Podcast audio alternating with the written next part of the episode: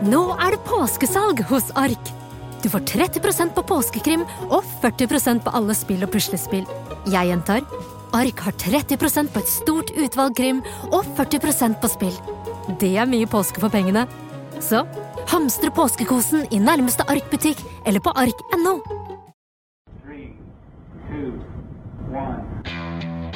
And liftoff. One, two, three, four, five, five, four, three, two, one. Okay, we checked all four systems, and there you go on modulation, all four, and keying with a go. Tranquility base here. The Eagle has landed. Så hyggelig at du har valgt til å trykke play eh, på nok en episode av Romkapsel. Det er jo vi evig takknemlige for. Tusen hjertelig takk eh, for det. Hei, Eirik. Hei, hei, Nils Johan. Altså, ja, det er alltid koselig når folk eh, joiner oss i vår lumre lille kapsel. Vi skal ta Det blir litt feil. det, Vi har jo fått det så fint, så det er ikke så lummert her. Nei, Det er liksom- vi, er, vi kjører jo nå i SpaceX-varianten, og de har faktisk airconditioning, så det Ja, det skulle vi hatt. Uh, det hadde vært fint. Uh, men uh, du, apropos airconditioning og holde riktig temperatur. eh, det er jo essensielt for dagens eh, tema i eh, din favorittpodkast om verdensrommet og ting som foregår eh, der ute, og foregår for å komme oss dit, og for å sende ting ut dit, uh, videre. Eh, vi eh, har jo før hørt om uh, Hubble eh, Telescope. Ja. Uh, Hubble Telescope er en dorullkikkert i forhold til uh, det som eh, er dagens tema, James Ja. Webb Telescope. Og det er jo igjen litt på oppfordring. Vi har fått en del spørsmål om James Webb. Både hva James Webb-teleskopet er, og ikke minst hva det skal gjøre. Liksom, Hva er greia med å bygge et helt nytt romteleskop? Når man tross alt har Hubble, som har fløyet i 30 år nå. Ja, for det eh, det jeg syns er litt sånn fascinerende med det, er ja, det- det- Hubble Telescope har vært oppe veldig lenge. Ja. Eh, var jo en gedigen eh, failure. uh, Til grader. Til, å begynne med. Det var altså, det var en katastrofal fuckup, uh, det der. Feilslipt speil er en sånn som amerikanere kaller rookie mistake. Ja. Det skulle aldri ha skjedd, og det, har vært, det ble jo mye, gått mye runder på bakrommet etterpå med uh, Perkin Elmer, var det vel firmaet het, som hadde klart å rote det til den gangen. Så klarte jo, og da, Det ble den første av mange reparasjonsferder med romferja. Altså, En av de tingene romferja var best til, var faktisk å, å holde Hubble gående. Og noe av det siste romferja gjorde før den ble parkert, var å gjøre noen siste små fikser på, på Hubble og, og liksom oppgradere Ja, litt. de, ja, for det de oppgraderte, Ja. og den oppgraderingen har vi jo sett resultater av. Den har gitt så vanvittig flotte bilder. Ja. Og så har de sagt at eh, vi skal eh, pensjonere Hubble. Ja. Eh, og da er jo mitt spørsmål umiddelbart hvorfor? Nei, altså Hovedgrunnen er jo, for det første så er jo teknologien begynt å bli gammel. Hubble-teleskopet var planlagt på 70-tallet, ble bygd på 80-tallet, og så ble det jo utsatt pga. Challenger-ulykken. Det skulle jo vært skutt opp tidligere. Og så er det jo blitt eh, flikka på, men teknologien er fremdeles grunnleggende ganske gammel. Eh, Det man håper på er jo å holde den flygende i noen år til. Okay, så de, de, de, de er har ikke pensjonert med det første, nei. gått For- fra altså, og det, som er, altså, det handler jo også litt om å drifte det, da. Det koster jo faktisk en del å, å holde det gående, å holde, holde kommunikasjon på bakken, og, og hele systemet rundt Hubble koster en del, og NASA har jo nye prosjekter. Så eh, vi får jo se eh, åssen det går med oppfølgerne til Hubble, for det er jo det vi da skal snakke om i dag. Mm, James Webb. Hvem, hvem, er James Webb? Ja, det er det, da. Altså, vi som er litt glad i Apollo-programmet. ikke sant? Og, og, altså, vi har jo snakket veldig mye om, i forbindelse med Apollo-programmet om selve sånn Neil og Buss og Michael Collins. Og selvfølgelig han som bygde Saturn 5, Werner von Braun. Der var det gjort. Men James Webb han var jo NASA-administrator, NASA-sjef, eh, mens Apollo foregikk. Ah, ok. Og han var en ekstremt dyktig NASA-sjef, og er, krediteres jo med liksom å ha holdt hele prosjektet i rute, og ikke minst navigerte gjennom en kongress som ofte var ganske skeptisk til å bruke så uhorvelig mye penger på noe som var så risikabelt. Så da NASA skulle eh, Altså, NASA bryter jo her litt med en tradisjon, fordi at romteleskopene deres er i stor grad oppkalt etter forskere. Enten det er Hubble-teleskopet, eller Kepler-teleskopet, eller Spitzer-teleskopet, eller hva det nå er de heter, så er de veldig ofte oppkalt etter forskere, og her er det da oppkalt etter en byråkrat, men han var en byråkrat i en litt annen klasse de fleste byråkrater. Det finnes også viktige byråkrater. Eh, Ja. Han fikk folk til månen, da er han, da er han en god mann i vår bok. Mm. David Webb, det er eh, Jason Bourne. Eh, Det er Jason liksom Bourne, Webb, yes! Og det er, da har vi en fin kobling til Jeg elsker Jason Bourne-filmene, oh. og dessuten The Martian. Det er jo en av våre favorittfilmer, og der er jo også David Webb på Mars. Men ok, nå til Avsporing. Ja, men det er vår podkast, vi gjør som vi vil. Ja. Eh, Og vi gråter hvis vi vil. ja. altså, dette prosjektet her. Ja. Det gjøres ganske mange ambisiøse ting eh, for å få ting og folk opp i verdensrommet. La oss bare slå fast det. Det, var vel unødvendig egentlig å si. Ja. Men eh, det er et eller annet med eh, ambisiøsiteten som jeg føler på et slags vis når nye høyder Det gjør det. eh, når det kommer til dette teleskopet her. Eh, for det skal skytes opp eh, neste om et drøyt år ish. Ja, det er ganske forsinket. Burde jo vært skutt opp for hvert fall Og det er ESA. Uh, og det er ESA som skal skyte opp, det er et Ja. europeisk samarbeid. Amerikanerne har valgt å samarbeide med europeerne her, og det skal skytes opp med den europeiske Ariane 5-raketten. Det er en del amerikanere som har sagt ja, men det fins jo en annen stor kraftig rakett, Mm. bygd av en uh, viss liten sprett som vi for en gangs skyld ikke skal nevne navnet på her. Men da tenker du på Elon Musk? Da, Der kommer det igjen. Det, det er altså Avstanden mellom at vi nevner Werner von Braun og Elon Musk blir stadig kortere. Til slutt så blir det Werner Musk. Mm. Men i hvert fall, ja. eh, Falcon Heavy, hvorfor ikke den? Vel, altså Ariane 5, veldig solid rakett. eh, Veldig velprøvd rakett. eh, Kraftige saker. Og pluss at det gir ESA med på laget, så man deler kostnader. Så, så det er en god ting. Men ja, neste høst skal de skyte opp i Og, og da skal de skyte opp denne James Webb Space Telescope. Og det skal da skytes til et litt- spesielt sted. Eh, Hubble-teleskopet går i bane rundt jorda. Lav jordbane, 600 km oppe. Hvilket vil si at den var, det er mulig å nå med romkapsler og med romferja. Ja, kan repareres. Denne her, James Webb Space, Space Telescope, den skal skytes halvannen millioner kilometer, altså 1,5 millioner kilometer, ut fra jorda, altså utover i solsystemet, bak både jorda og månen. Og så skal den havne på et punkt hvor den på en måte står stille. 1,5 millioner kilometer bak jorda og månen, og stå på, på, på linje med jorda og sola. Og James Webb Space Telescope skal stå på en linje, og det punktet det er da noe som kalles for L2, eller Lagrange-punkt nummer to. Ok. Ja. Ja. for det er der ting står stille. Der står ting stille, og det er altså, dette er en fransk matematiker fra 1700-tallet, eh, Joseph de de Lagrange, som oppdaget at rundt kloder som går rundt andre kloder, så oppstår det noen stabile punkter. Eh, det er blant annet 60 graders vinkel til venstre for månen, og 60 graders vinkel til høyre for månen. I månens bane så er det stabile punkter. Der kan ting bli liggende veldig lenge. Man har funnet asteroider der. Ja, for dette har vi vel også vært innom, Lagrange-punktet har vi vært innom tidligere når det har vært snakk om å utplassere disse sylinderne. Sylinderformede romkoloniene, helt Ja, riktig. ja. Som så heter har du hva for noen sylinder? eh, O'Neill. Helt riktig. Ja, ja. Så Lagrange-punkter fins også ute i solsystemet, blant annet 60 grader til venstre og 60 grader til høyre for Jupiter. I Jupiters bane så går det en skokk med asteroider som er fanget inn, og som går i stabile baner der.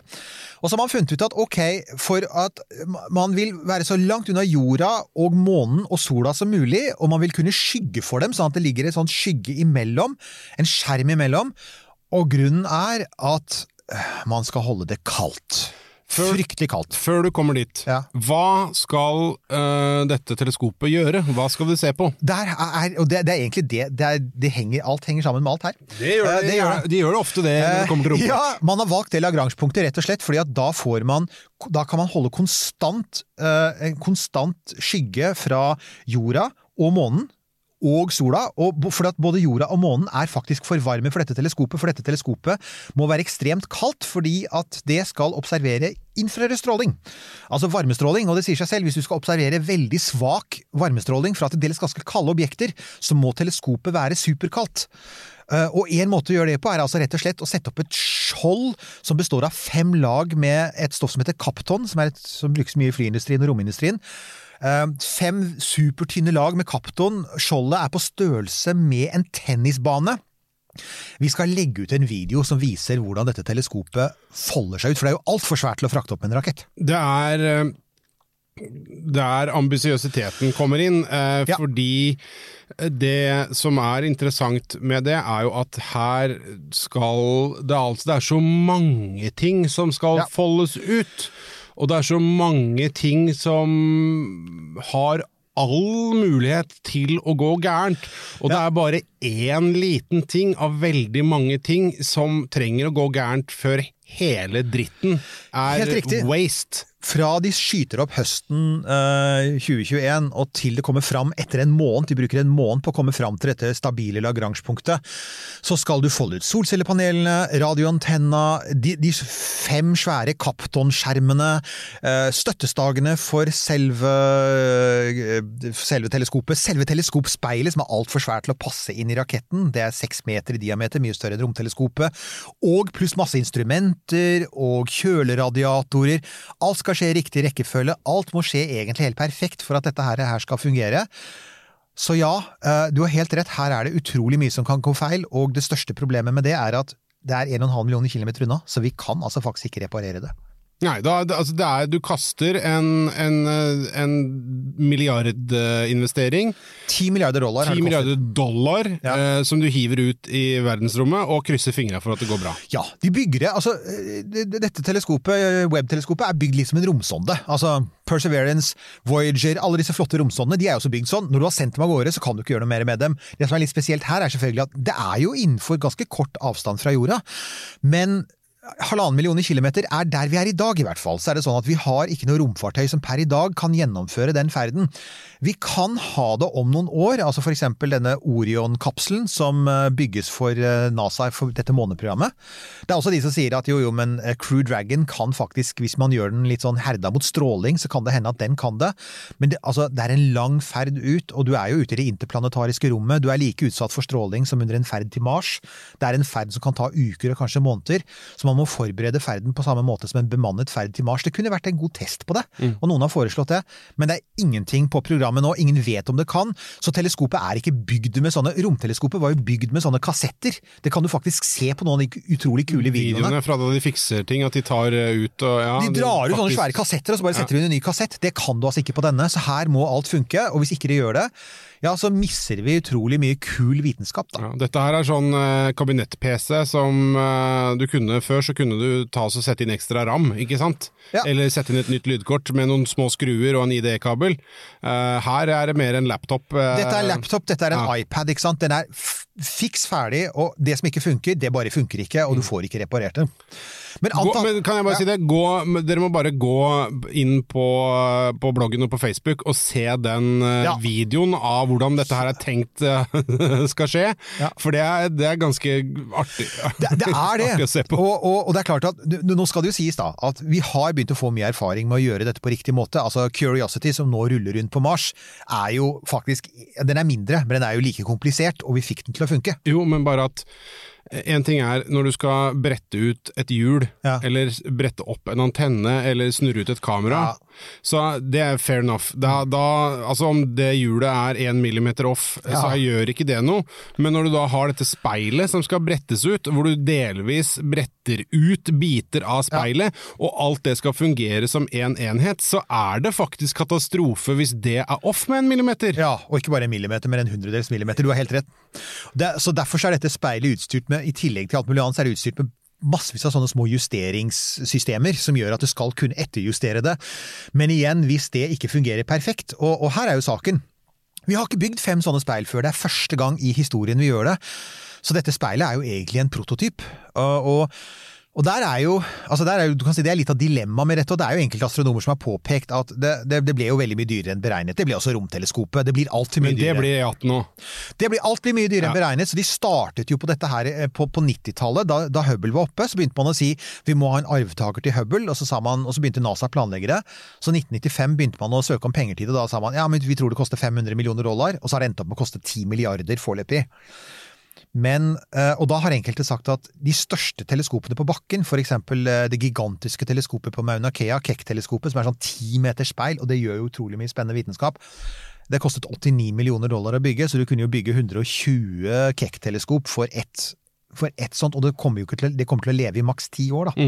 Så det, det er en del astronomer som sier vi syns dette er i dyreste laget, men the science, the science, det er greia. har, men da har du astronomer som åpenbart er på vei til å bli byråkrater, som, som kan si at Jeg tenker det samme. Ja. Jeg er Men for James Webb, altså. men- James Webb er kjempekult. igjen, Ja. Uh, det er jo naturlig å sammenligne dette her med Hubble. Ja. Uh, dette, vi har denne her, dette her varmeskjoldet Ja. som skal rundt for å, for å blokkere varmen fra Sol, sola måne og jord. måne og jord. Ja. God morgen, sol og måne. Men- og så er det speilet. Ja. Uh, hele dette dekselet er på størrelse som Simen tennisbane. Ja. Speilet i forhold til uh, Hubbles speil. eh, hvor stort er det, siden, det da, siden dette må Det har- brettes ut? Ja, det, er, det, det samler inn Dette er jo et speil som skal samle inn lys fra universet. Det har eh, seks ganger større flate. Okay, ja. Så det er virkelig, det er virkelig fryktelig mye større. Eh, og, og det gjør jo også at eh, eh, altså, når, man, når man liksom observerer i de litt sånn lengre bølgelengdene, infrarødt er liksom litt sånn, det er litt sånn lengre lysbølger, så blir teleskoper mer uskarpe. eh, så, men man kompenserer ved å gjøre teleskopet større. Så faktum er at det kommer også til å ta skarpe bilder i, eh, i infrarødt, og så sier man ja, men hvorfor bygger du ikke egentlig bare et større optisk teleskop i vanlig lys, som er Hubble? Vel, altså, den jobben gjør jo Hubble veldig godt nå, men kanskje det viktigste her det er at med infrarødt så kan du gjøre helt nye ting. Og eh, James Webb er jo bygd spesifikt, det er en sånn tre-fire ting som alle sier det må den bare gjøre, for at her er det fryktelig mye viktig å gjøre. Ok, og hva, og hva er det? Jo, vi kan starte med altså, det, det som nevnes oftest, og som kanskje blir noe av det første den kommer til å gjøre, det er faktisk eh, å se bakover i tid. Eh, og det er jo det vi gjør når vi ser ut i universet, så bruker lyset lengre og lengre tid på å nå oss, hvilket vil si at vi ser bakover i tid, så jo lenger ut vi kan se, desto lengre bakover i tid kan vi se. Universet tror man nå er ca. 13,8 milliarder år gammelt. Det var Big Bang. Hubble-teleskopet kan se utover slik så langt at vi kan se tilbake til 13,4 milliarder år tilbake i tid. Så er det 400 millioner år. De første 400 millioner årene av universets historie kan vi egentlig ikke se noe særlig til. Det er på mange måter noe av de viktigste perioden, for det er da alt starter, det er da galaksene blir til, det er da de første stjernene dannes. Det er liksom sånn, og, hvordan skjedde det? Hvor tidlig begynte vi å få stjerner? Og, og, og det er jo da det dannes også mye kjemiske stoffer. Så man er veldig opptatt av at dette, er liksom, dette kalles jo liksom the dark ages, for vi kan ikke se det. Og en av de tingene, og en av grunnene til at Hubble ikke kan se det, det er rett og slett at jo det er jo også Universet vårt det er jo sånn at jo lenger unna du er, jo lenger bakover er du i tid. Og selvfølgelig, universet utvider seg også. Og jo lenger bort du kommer, desto fortere flyr det.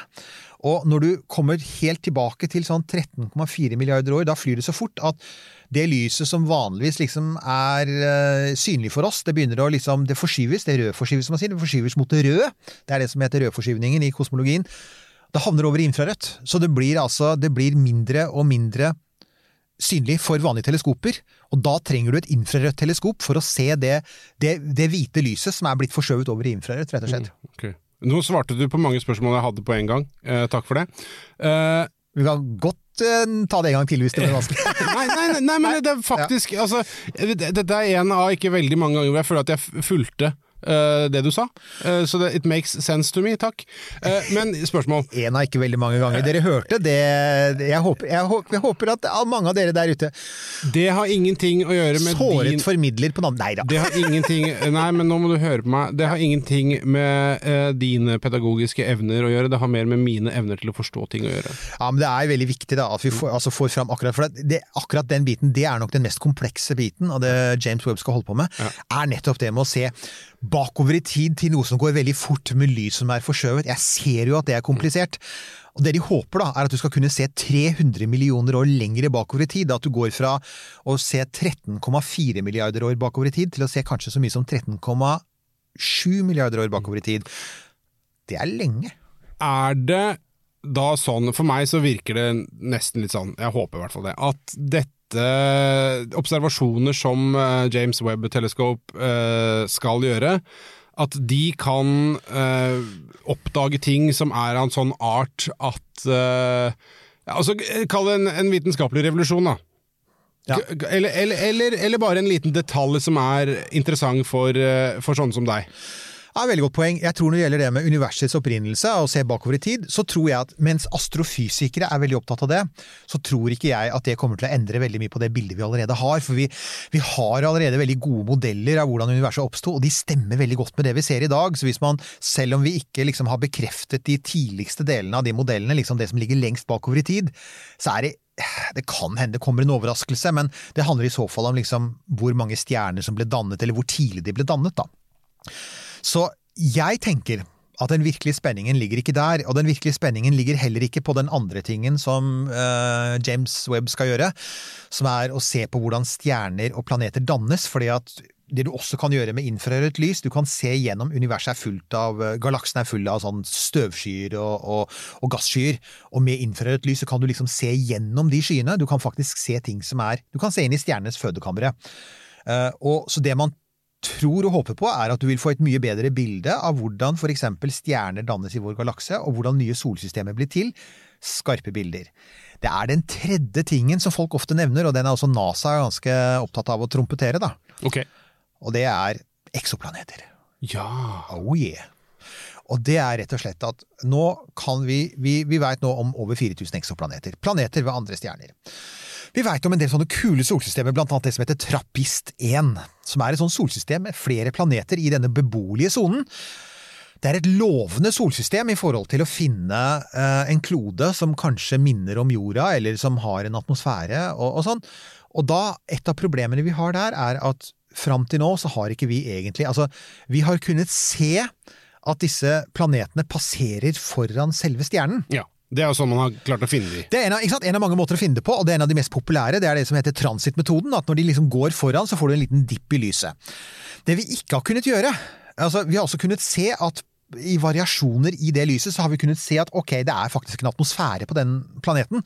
Fordi at lyset slokkes ikke plutselig, men det går litt sånn gradvis, og du ser at det lyset det går gjennom noe sånn tåkete rundt planeten. Det vi ikke har kunnet gjøre ordentlig, det er å analysere eh, kvaliteten på det lyset, og, og, og, ikke minst den kjemiske sammensetningen, ved å bruke det som heter spektroskop. Uh, ved å se på, Da kan man se hvilke kjemiske stoffer som fins i lyset. Det har vi ikke egentlig kunnet gjøre før. Det håper man å kunne gjøre med James Webb Space Telescope. Og det man da gjør, er at da tar man utvalgte solsystemer med lovende planeter, og de har allerede sagt at Trappist-1-systemet det er et av de man har veldig Og det får dere bare google, eller så får vi legge ut en lenke. Vi lover stadig vekk at vi skal gjøre det, og på et eller annet tidspunkt Nils Johan, så skal vi skjerpe oss og gjøre det, skal vi ikke det? Jo, det, det, det skal du gjøre. Men vi er så opptatt av å svare på spørsmål og legge ut på Instagram og på Facebook og alt mulig, så det går av og til litt i ball for oss. Men Trappist-1 Så en av de tingene de da har lovet å gjøre, det er at så snart de ser en så snart de får opp dette teleskopet, så skal de begynne å planlegge og se og vente til disse planetene begynner å passere foran den stjerna de går rundt.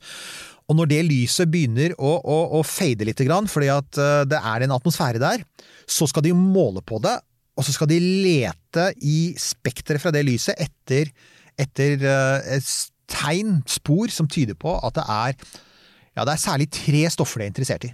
Og det ene er oksygen, selvfølgelig. Åpenbart. Åpenbart. Det andre er faktisk nitrogen, for de tror vi har jo nå atmosfære som er liksom 20% oksygen, 80% nitrogen og litt sporstoffer. CO2. Um, og så er det metan. Ja. Metan er uh, prompestoffet. Mm. Metan uh, kan skyldes geologisk aktivitet, men det skyldes også biologisk aktivitet. Med andre ord det kan skyldes vulkaner, eller det kan skyldes liv. Mm. Så Det er derfor man ble så veldig sånn gira for noen år siden, da man begynte å finne metan på Mars. Ikke veldig mye, men man fant litt metan, for det var sånn Ok, er, enten så er det vulkaner eller varme kilder på Mars, hvilket ville være um, sjokkerende, for vi trodde Mars var geologisk død. Eller så er det liv der. Det ville være enda mer sjokkerende, for vi trodde at Mars ikke hadde liv i dag. Så ja. Det den potensielt kan gjøre, er hvis er faktisk å få den første lille bekreftelsen på på ikke bare at det er atmosfære andre, på andre planeter, men hva som fins i de atmosfærene. Ja, og det det er jo altså Det er jo en Altså Det er jo en indirekte måte, da, Ja. å altså, i anførselstegn finne ut av det. Mm. Uh, men i hvor, altså, hvor sikker er en sånn observasjon gjort med et sånt spektrograf, da? Altså, er- kan man slå fast at hvis det ser sånn ut, ja da er det oksygen og nitrogen der? Det kan man med veldig stor sikkerhet, for han begynte begynt å få veldig mye erfaring med det. Man har jo gjort tilsvarende målinger på stjerner og planeter nå i veldig lang tid. Ja, Men du har aldri fått bekrefta det med stedlige Jo, jo, det har man jo. For at, altså, en av, det er en av fordelene for eksempel, med å sende folk til månen og sende, eh, og sende eh, romsonder til Mars, og lande på Mars.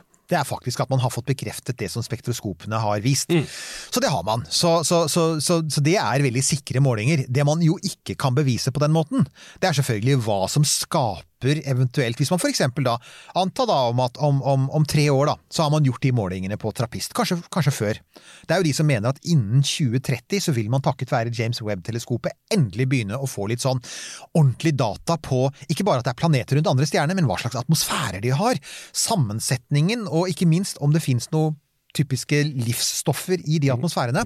Vi kan faktisk begynne å få litt statistikk på hvor vanlig liv er, eller ikke er, da. Og jeg har igjen en sånn litt sånn uggen hunch av at hun finner lite, men det Ja, er jo det, ja, det er også et interessant spørsmål oppi det. Fordi det er jo mange som mener det. Ja. At, uh, Mange altså, er der nå. Og, og at liv, det er, det er fader meg sjeldne greier. Ja. Uh, men altså, best case scenario da, eh, for utdannede og, og de eh, in the know her, er det da å finne en planet som har forhold identiske med jorda, eller er det å finne noe som eh, Ja. altså for, jeg, for jeg tenker sånn Mars, som er den nærmeste planeten som vi på en måte håper å si, kan komme til, er jo et eh, kjipt sted. Det, er ikke noe, det er ikke noe værendes sted, egentlig. Her må vi gjøre ganske mye. Eh, eh, er det å finne en planet som vi bare kan lande på og ta av hjelmen, liksom?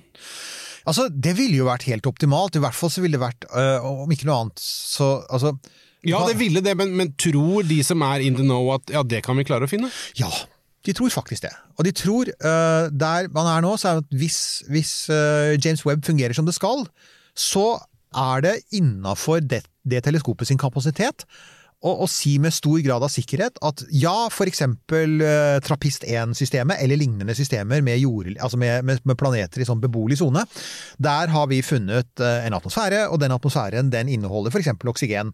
Um, og oksygen det er et stoff som hvis det er i en atmosfære, um, så vil det veldig fort binde seg til ting, jf. rust. Utafor studiet vårt så står en veldig fin motorsykkel.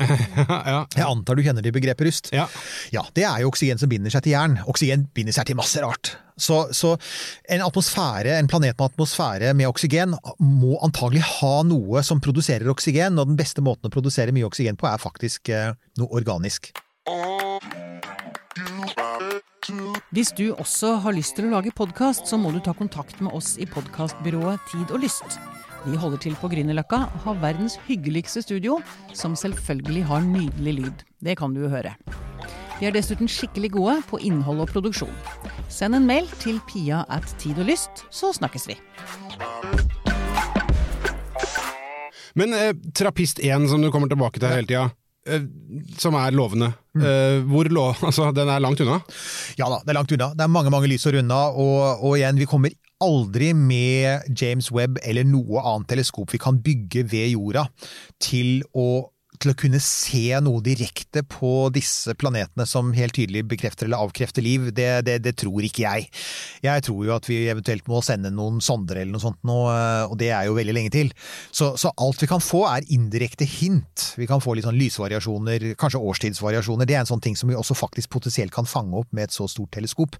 Det er sånn type for eksempel eh, Altså, du har jo på jorda ganske tydelige årstidsvariasjoner med at uh, deler av året er jorda dekket av hvitt, som kalles for snø, og andre deler av året er jorda dekket av grønt, som kalles for blader. Det er faktisk sånn som kan ses på veldig lang avstand.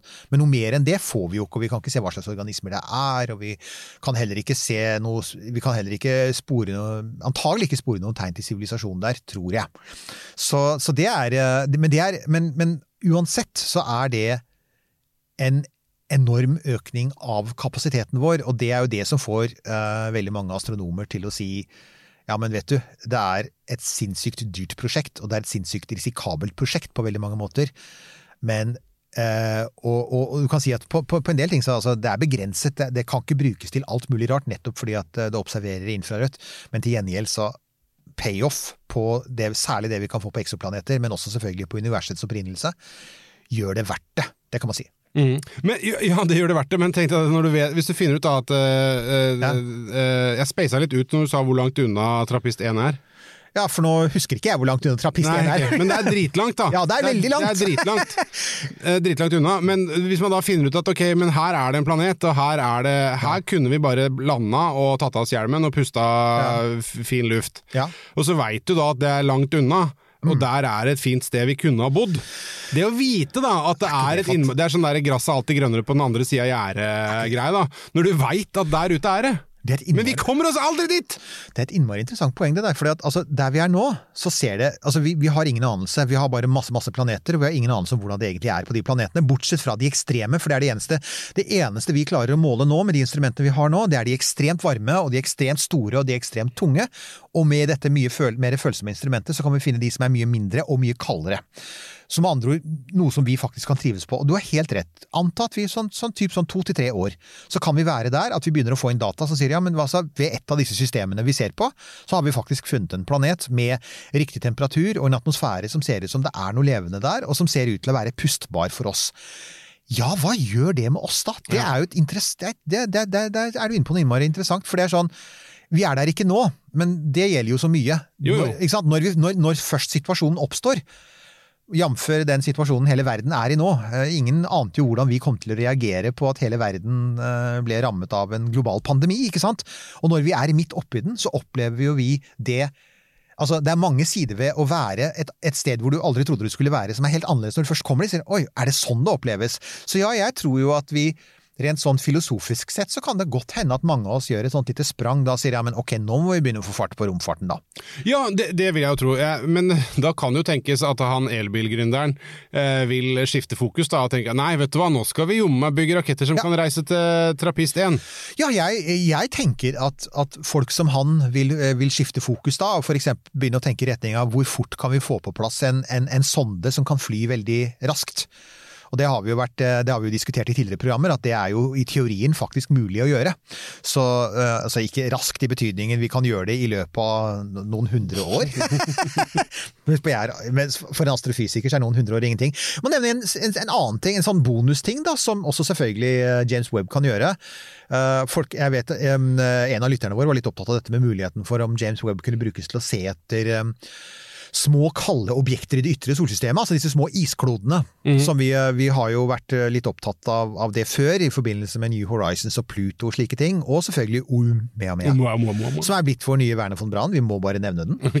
Men det er fordi at det er et sånt fascinerende, sært objekt som nå farer utover i det ytre solsystemet, og der ute er det innmari mye rart, og det har jo vært spekulasjoner om som denne lytteren var litt opptatt av, eh, dette med mulig planet 9, altså at det finnes en større planet der ute som, som gjemmer seg der ute og kanskje driver og påvirker ting med tyngdekraften sin. Eh, Vi ser ikke noe nå med dagens instrumenter, men, men, men med et mye kraftigere instrument som eh, James Webb, så kanskje vi vil se ting. Og da kommer vi jo til det som jeg alltid syns er det mest interessante. Hver gang vi sender opp en ny romsonde eller et nytt romteleskop, så er det jo det er alt det vi ikke ante vi kom til å se. Ikke sant? Det er, Ja. det er overraskelse. de tinga man ser som man ikke visste man skulle ikke, Ikke sant? se etter. Overraskelsen. Det kommer garantert noen overraskelser her som er sånn oh shit, dette ante vi ikke. Og det er jo, så du kan si, hvis du spør meg da, hvorfor er det verdt å bruke 100 milliarder norske kroner på noe? Som er en tidels norsk statsbudsjett på et eneste teleskop, som kanskje til og med ikke funker, så vil jeg si at det er kanskje først og fremst det, at jeg veit at de kommer til å levere et eller annet råkult, som kanskje alle driver og snakker om om ti år. Så ja, men dette har vi jo alltid visst. Nei, nei, nei, før James Webb så ante jo ikke vi det. Ja, ikke sant? For, vi, det, ikke sant? For det er jo, det er jo Men, det. men det bare sånn for å sette det litt, litt i perspektiv, det er interessant. Hva er det vi tar som eh, på en måte, igjen da, i anførselstegn, en selvfølge nå som vi ikke visste før Hubble? Ja, altså, når det gjelder Hubble, så er det ingen tvil om at dette her med eh, altså for eksempel veldig altså, observasjoner av svarte hull i sentrum av galakser, for eksempel. Det har Hubble vist seg å være veldig, veldig bra på. Eh, observasjoner av, eh, av eh, altså klima, årstidsvariasjoner på, på, på de ytre planetene. Vi hadde jo ingenting etter at Voyager forsvant. Det har også Hubble vist seg å være veldig bra på. Så det er sånne ting som vi, vi knapt nok tenker altså, sånn, Ja, men selvfølgelig, vi veit jo hva slags skyer det er på Uranus og sånn. Nei, det veit vi ikke, ikke sant. Og vi veit jo det med å se inn i hjertet av en galakse og se et svart hull. Ja, altså, det, vi, vi gjør jo det nå. For altså, igjen, for 30 år siden, jeg husker det jo, for det var på det tidspunktet var jeg nettopp ferdig med å studere, så jeg husker liksom hvordan status var. Det var før oppdagelse av eksoplanetene. Altså Vi visste at det fantes svarte hull, men vi hadde jo ikke egentlig noen gode bilder av dem. Så det er jo noe av det som Hubble har brakt til oss, er alle disse veldig skarpe bildene av ting veldig langt unna. som Vi sånn, jo, vi var klar over at de var der, men det var uklare sånn smudges. Og nå er det skarpe bilder, og det er skikkelig bekreftet, og vi kan følge det over tid. Så ja, eh, det er, det er jo av de tingene som, som, eh, som som det gjør. Men det, jeg, jeg tenker jo sånn hvis, man, hvis det skal være en sånn avsluttende refleksjon på dette, her, da, så tenker jeg kommer likevel tilbake til det vi startet med, som er kostnaden og kompleksiteten. Og jeg begynner å lure på, Det kan tenkes at dette er en av de siste gangene NASA gjør noe sånt nå, fordi vi er jo på vei inn i en ny romalder nå, hvor romfart allerede er begynt å bli billigere. Vi skal ut, vi skal langt ut igjen, enten til, til månen med Artemis og Orion og alt det der. Og, og får, NASA Orion på vingene med den store SLS-raketten sin, så får de egentlig kapasitet til å fly lenger ut. De kan da i teorien fly til Mars. Og da kan de også reise ut og reparere web hvis det går eh, et eller annet gærent der, da. og ikke minst hvis vi lykkes med å få til mye billigere oppskytninger i rommet. For det er jo, altså, det som gjør det så sabla dyrt, er jo at alt er automatisert, det kan ikke repareres. Det er jo, man pleier, man, tidligere så pleide man å si at en av, en av de store fordelene med å sende roboter, da, å sende robotbiler til Mars, og sende roboter til månen og lignende, er selvfølgelig det er mye billigere å sende en robot enn å sende et menneske. Men det jeg begynner å lure på er, hvis vi klarer å få ned prisene på oppskyting til rommet, som en viss eh, elbilgründer jobber veldig hardt for å gjøre nå, så kan vi komme til det punktet at man begynner å si men vet du, faktisk, her er det, her er, altså, det er billigere å sende et lite mannskap, tre-fire stykker, med en kapsel, og plassere det ut manuelt, sånn at vi er sikkert på at alt fungerer, og, og ha kassettsystemet. Ja, og ikke minst kan være der mens vi tester. Tester, og så, kan, de dra tilbake til jorda igjen når de har vært der ute en måneds tid, og de har sett innmari mye på Netflix, men i hvert fall de har vært der ute, og de har testa det, og så drar de tilbake igjen, og skulle det skje noe, så kan de dra ut igjen. Jeg tror at når oppskytninger til rommet ikke koster en milliard dollar, men når en oppskytning til rommet typ koster 10 millioner dollar, da, eller 50 millioner til og med, som er liksom målet etter hvert, så så, så, kommer, så kommer vi til å se at, vet du, for å, for å, for å fortsette med dette jeg, jeg, jeg tror ikke vi kommer til å bygge noe større enn dette med, med den teknologien vi har nå, for jeg, jeg tror ikke vi får råd til det, jeg tror det blir for komplisert. Og at det neste nå, det er faktisk at neste gang vi bygger et kjempesvært teleskop i rommet, så kommer det faktisk til å være astronomer der. Og det er selvfølgelig min våte drøm, er at vi, en, at vi faktisk skal begynne å sende astronomer, For det har vi, vi har sendt veldig altfor få astronomer i rommet. Det som, er, det som er morsomt med det du sier, er at den teknologiske utviklingen tar oss dit at eh, romfart eh, går fra å være high-tech og veldig automatisk til å bli mer analogt og manuelt. Ja, litt Det er tilbake. litt funny. Ja, litt tilbake til det vi snakket om, vi snakket om i Boka Chica-sendingen vår, eh, med dette med at på et eller annet tidspunkt, og som vi også snakket om i Alien-sendingen vår med, med, med, med Britta Møystad, er dette med at på et eller annet tidspunkt så skal rommet fylles med vanlige folk. ja. På et eller annet tidspunkt så skal det faktisk bare være helt vanlige teknikere, ingeniører, sveisere, ikke sant? kokker, ikke sant? sykepleiere. Det skal være helt For at der vi er nå, så er liksom alle har fem doktorgrader og er militærpiloter og gode i matte og gode i gym og fryktelig irriterende personer. Folk som er gode i matte eller gode i gym, er irriterende. De, de som er gode i begge deler. Okay, ja, okay, For at noen er så gode i matte, men dårlige i gym. men uansett, så jeg blir mest irritert. Sånn, sånn, sånn jagerflypiloter. Jeg pleide å holde foredrag på, på, på eh, eh, Luftforsvarets eh, skole i Trondheim. Og det er alltid veldig morsomt. Veldig hyggelig. Og samtidig så går man derfra og tenker og disse folka er liksom både gode i naturfag og gym. Det er sånn, Der skulle man vært. Ja. Og de kan reise i rommet, for det er den typen folk som reiser i rommet nå. Det skal vi bort fra, og, og jeg tenker James Webb er en sånn påminnelse om at ja, nei, og det er ingen som snakker om å bygge noe større enn det, fordi at det, det, det er.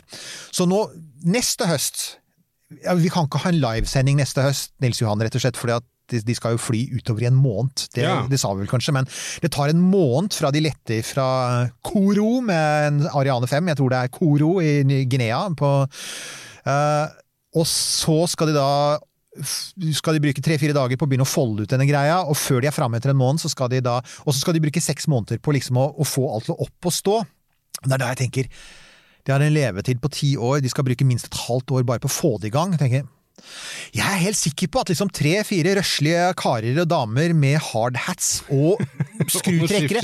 Altså noen skikkelige håndverkere hadde fått dette på plass i løpet av noen timer, det er jeg ganske sikker på. På samme måte som at vi har sett Curiosity kjøre over Mars. ikke sant? Curiosity har kjørt noen, noen mil på Mars nå. Altså, en, en, en astronaut i en elbil kunne gjort hele Curiosities forskning på en ettermiddag. Let's face it, det kunne han. Eller henne. Hun. Han. Ja ja. Så ja, det er egentlig for meg er det et Men argument da for mennesker i du rommet. du ferdig å jobbe, så bare setter deg ned og venter på å dø. Det er, det er der Ja, det kjipe men der er vi heldigvis ikke med, med dette stedet, for på Lagrange-punktet L2 er fullt mulig å nå fra jorda, det er bare at vi har ikke romskipene nå. Det er jo ikke, det er jo ikke Mars. Vi kan komme til, dra dit og komme tilbake igjen. Ja, Vi må siste lille kuriositet. Okay. Det finnes som sagt fem sånne L-punkter. Det finnes også et, et, eh, som heter um, Det er vel L1 det heter, og det ligger dette L2 ligger halvannen million kilometer bak jorda og månen, rett linje ut fra sola. Så finnes det et mellom jorda og sola, halvannen millioner kilometer i retning av sola, og der er det allerede en del, er det allerede en del romteleskoper, så vi har gjort dette før. Det finnes et som heter SOHO, som vår faste gjest Pål Brekke fra Norsk Romsenter. Han har jobbet mye med SOHO. Ja. Han elsker å snakke om SOHO. Det er fremdeles i drift, så det er et godt eksempel på at et sånt der romteleskop kan fly til et sånt Lagrange-punkt, ligge der, være helt umulig å reparere, og fungere veldig godt i mange år. Så det er ikke det. det, det, er, det tror jo du kommer, jeg tror det kommer til å funke. Krysser fingrene for det.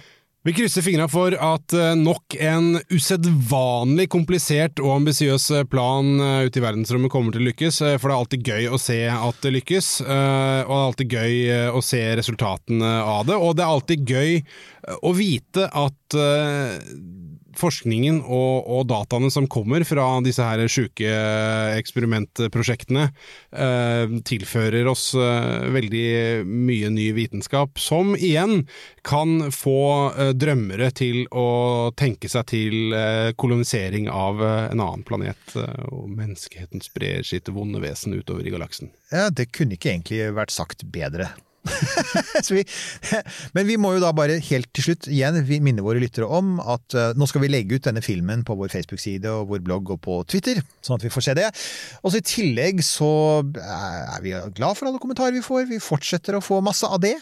Lik, eh, del og abonner på podkasten på Spotify eller hvor nå du velger å høre den. Twitter, Instagram, Facebook. Trenger du en ny T-skjorte, så kan du kjøpe det eh, med en raff eh, romkapsellogo på.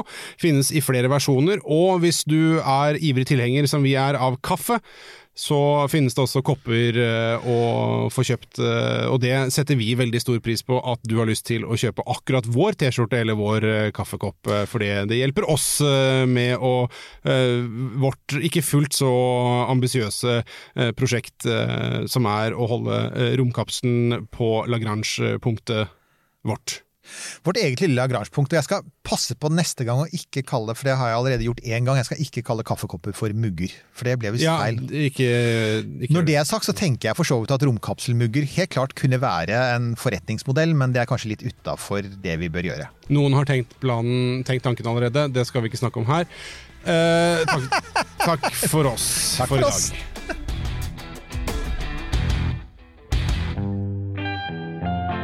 Denne Podkasten er produsert av Tid og Lyst. Velkommen til Kjemperådet! Denne gangen har vi fått inn et kjempedilemma fra en familie. Jeg leser Hei, vi er litt uenige i familien her. Hvis du skulle vært et dyr, ville du hatt gjeller eller vinger? Oi, den er tricky. Ja, Hva ville dere hatt, da? Altså, jeg vet ikke, men Med familierabatt får du ubegrenset data fra Telenor fra 399 kroner. Da kan du jo scrolle seg til svaret, rett og slett. Ja, ok, Men for min del Ja. gjeller. Nei, nei, Nei. nei, vinger. Nei, nei, Ja, okay, ja, Kjempebra. Men eh, se nye mobilabonnement på telenor.no, da.